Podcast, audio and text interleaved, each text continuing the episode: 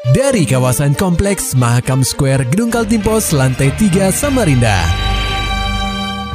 96,8 KPFM Kita akan ikuti program KP Flash News.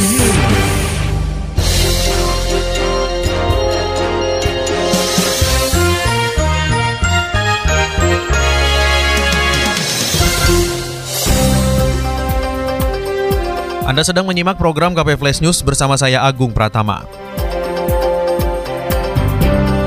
Berita utama.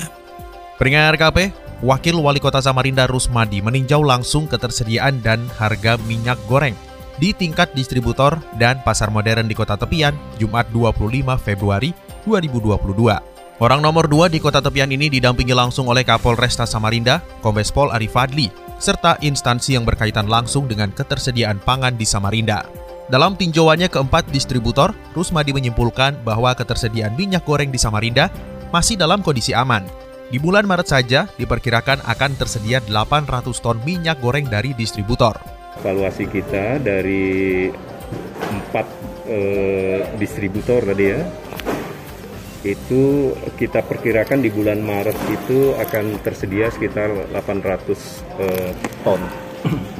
Sementara kebutuhan kita per minggunya itu 120 berapa?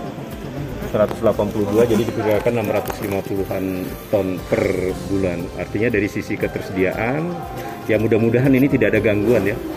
Karena tadi informasinya ada yang datang minggu pertama, ada yang datang minggu kedua, minggu ketiga, minggu keempat. Mudah-mudahan ini e, menjamin dalam hal ketersediaan.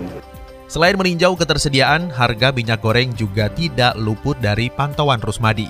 Dari pantauan di tingkat distributor saja, harga minyak goreng berada di kisaran 13.200 sampai 13.500 rupiah per liternya. Artinya, di tingkat distributor, harga minyak goreng masih dalam batas wajar.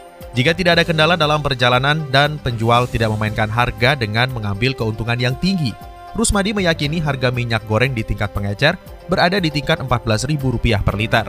Meski terjadi kekosongan di tingkat retail dan pasar modern, Rusmadi masih memaklumi hal tersebut mengingat pasokan dari produsen ke distributor masih kurang, sehingga distributor harus bijak dalam membagi secara adil dan kita kan sudah mendapatkan uh, data ya terkait dengan siapa-siapa uh, apa pedagang dari distributor kemudian sampai ke uh, konsumen.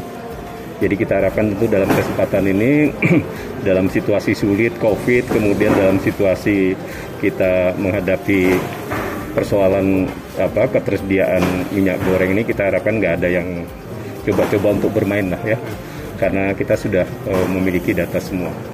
Di sisi lain, Kapolresta Samarinda Kombes Pol Arif Adli akan mengarahkan timnya untuk mengawal proses distribusi minyak goreng. Pihaknya akan memastikan semua pelaku usaha bisa beraktivitas normal seperti biasa tanpa ada yang memanfaatkan kesempatan untuk menaikkan harga. Kemudian kepada masyarakat juga kita sampaikan bahwa ketersediaan ada. Jadi permasalahan-permasalahan yang mungkin isu-isu terkait langka atau kosongan minyak di kota Samarinda khususnya tidak ada. Jadi kita lihat kita pantau hari ini semua ada dan mungkin hanya ada sedikit keterlambatan dari pendistribusian dari pabrik saja. Jadi semuanya tetap tenang, tidak ada eh, hal-hal uh, yang krusial sekali terkait dengan minyak goreng di kota Samarinda jika ada pihak yang terbukti atau ditemukan menimbun ini Pak sanksinya ya pasti kan sanksinya sudah sudah kita ketahui bersama apabila kita temukan ya pasti akan kita tindak tegas lebih lanjut Ari memastikan bahwa pasokan minyak goreng di kota tepian masih berada dalam batas aman. Perihal isu yang menyatakan minyak goreng langka, Ari dengan tegas menyatakan bahwa hal itu tidak benar. Beralih ke berita selanjutnya, pendengar KP Polresta Samarinda menetapkan dua santri pondok pesantren As-Sadah Al-Madinah yakni ABZ dan HRY sebagai tersangka atas kasus pembunuhan seorang guru pesantren bernama Eka Hadi Prasetya. Keduanya terbukti melakukan penganiayaan kepada gurunya tersebut hingga akhirnya dia meninggal dunia. Kapolresta Samarinda Kombes Pol Arif mengatakan motif para pelaku melakukan hal ini karena berniat untuk merebut kembali handphonenya yang disita oleh korban. Ari menjelaskan, setelah korban selesai salat subuh, kedua pelaku telah menunggu di jalan tepat di samping pondok pesantren. Jalan itu memang kerap dilalui korban untuk pulang ke rumahnya. Saat korban lewat dengan sepeda motornya, kedua pelaku langsung menghantam korban di bagian kepala. Sedikitnya terdapat 7-8 pukulan yang dilancarkan kedua santri tersebut. Meski saat ditemukan masih dalam kondisi hidup, korban akhirnya dinyatakan wafat setelah mendapat perawatan di rumah sakit. Kedua pelaku ini uh, menghadang dan berupaya untuk merebut kembali, mengambil kembali handphone dengan cara memukul korban dengan dua kayu, dua balok kayu, yang mana uh, pukulan tersebut mengenai uh, bagian kepala dari korban sehingga akhirnya korban terjatuh dan handphone berhasil diambil. Kemudian pada pukul 6.30 korban ditemukan dan dibawa ke rumah sakit oleh uh, warga pukul 7.00 korban dinyatakan meninggal dunia. Atas perbuatannya ini, kedua pelaku akan diancam dengan pasal 340 KUHP, subsidiar pasal 338 KUHP, subsidiar pasal 170 ayat 3 KUHP. Namun karena keduanya masih di bawah umur, maka proses hukumnya akan menggunakan sistem peradilan anak, serta proses penyidikan akan didampingi oleh Bapas. Pendengar KP, Boas gagal penalti, Borneo FC dan PSIS berakhir sama kuat. Laporan selengkapnya akan disampaikan reporter KPFM Samarinda, Muhammad Nur Fajar.